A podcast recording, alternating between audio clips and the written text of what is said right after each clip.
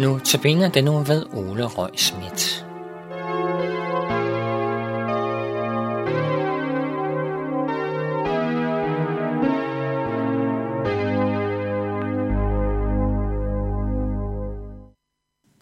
Velkommen til Københavns Nærradio Notabene udsendelse.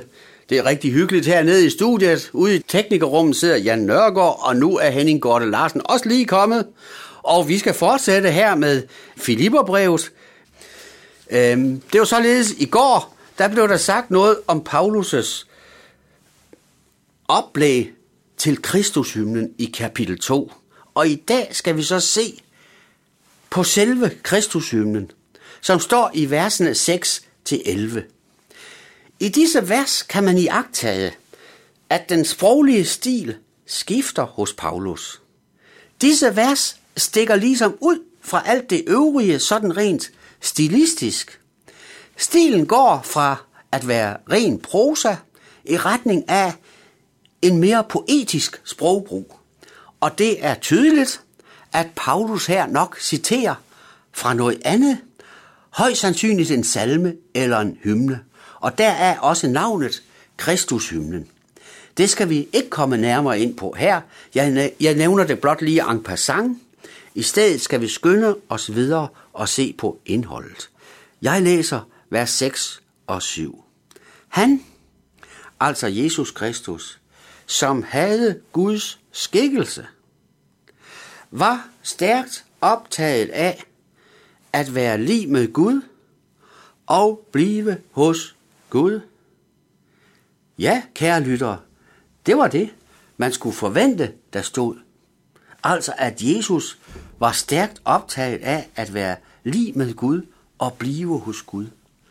Men der står noget helt andet. Hør engang. Han, Jesus Kristus, som havde Guds skikkelse, regnede det ikke for et rov at være lig med Gud, men gav afkald på det, tog en tjeners skikkelse på og blev mennesker lig.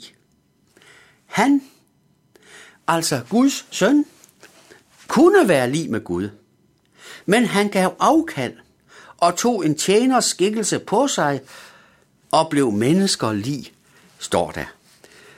Det vil sige, han kom herned til os mennesker på jorden. Han lod sig føde her på jorden som et menneske, og det skete jo som bekendt julenat. Vi giver igen ordet øh, til Kristushymnen her hos Paulus og hører videre fra vers 7b. Og da han var trådt frem som et menneske, ydmygede han sig og blev lydig ind til døden, ja døden på et kors. Altså, Jesus forlod sin plads hos Gud i himlen og kom herned til os mennesker, og da han således var trådt frem som et menneske, det vil sige altså, da han var kommet ned til jorden, ydmygede han sig og led døden på et kors. Jamen sikkert dog en ynkelig og trist og sølle skæbne. Ja, det kunne man nemt fristes til at tænke her. Men det er lige modsat. Hør, hvordan Kristus hymnen fortsætter. Jeg læser fra vers 9. Derfor har Gud højt ophøjet ham og skænket ham navnet over alle navne. For at i Jesu navn hvert knæ skal bøje sig i himlen og på jorden og under jorden, og hver tunge bekende. Jesus Kristus er Herre til Gud Faders ære. Læg mærke til den triumferende tone, der er over disse vers. Men hvordan kan Paulus dog triumfere over dette, at Jesus blev ydmyget og døde på et kors? Jo, det kan Paulus, fordi det, der er tale om her, det er påskens begivenheder. Hvad var det, der skete i påsken? Jo, her blev Jesus korsfæstet, men han vandt over døden og opstod igen. Men hvorfor blev han korsfæstet? Ja, jeg kan allerbedst besvare dette spørgsmål med et salmevers af Thomas Kingo. Han siger, det lyder således. For min skyld blev du så forladt, og af Guds vrede taget fat, at aldrig jeg forlade skal i dødens grumme dybe dal. Altså, Jesus døde på korset for min skyld. Da han hang på korset, tog han den straf på sig, som jeg ellers havde fortjent. Jesus gik i døden i mit sted, for at jeg aldrig skal forlades, som Kinko siger det, udtrykker det, i dødens, dum, i dødens grumme dybe dal. Luther kalder dette for der selige veksel, altså det salige bytte, og det består deri, at Jesus tager min skyld og straf, og jeg får hans herlighed. Ja, det er i sandhed et særligt bytte. Og lad mig bringe et eksempel fra hverdagen.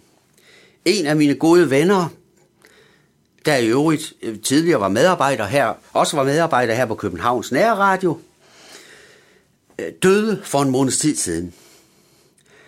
Han havde kort forinden af lægerne fået at vide, at de ikke kunne gøre mere for hans fremskridende cancersygdom. Og jeg besøger ham så på hospitalet, og han fortæller mig om dette. Fuldstændig afklaret, fuldstændig uden panik. Jo, for han vidste, at fordi Jesus er død på korset, så har han virkelig taget min skyld på sig. Og derfor får han og jeg og os alle lov til at forlade denne jord i troen på, at døden ikke er det sidste, men at der venter et liv hos Gud i himlen efter døden. Hvor ville det have været vanskeligt for os alle sammen, hvis dette håb skulle være baseret på, hvor godt eller dårligt vi hver især havde klaret dette liv.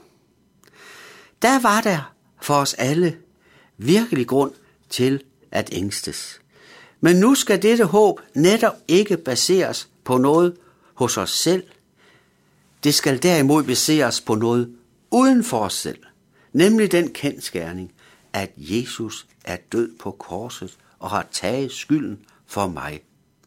Og det er derfor, Paulus i Kristus hymnen her i Filipperbrevet kapitel 2 bryder ud i denne vidunderlige, triumferende tone. Derfor har Gud højt ophøjet ham, altså Kristus, og skænket ham navnet over alle navne. Hvor er det dog vidunderligt. Den dag jeg skal se døden i øjnene og forlade denne jord, så får jeg lov til at sætte hele min lid til ham, som Gud har højt ophøjet og skænket navnet over alle navne.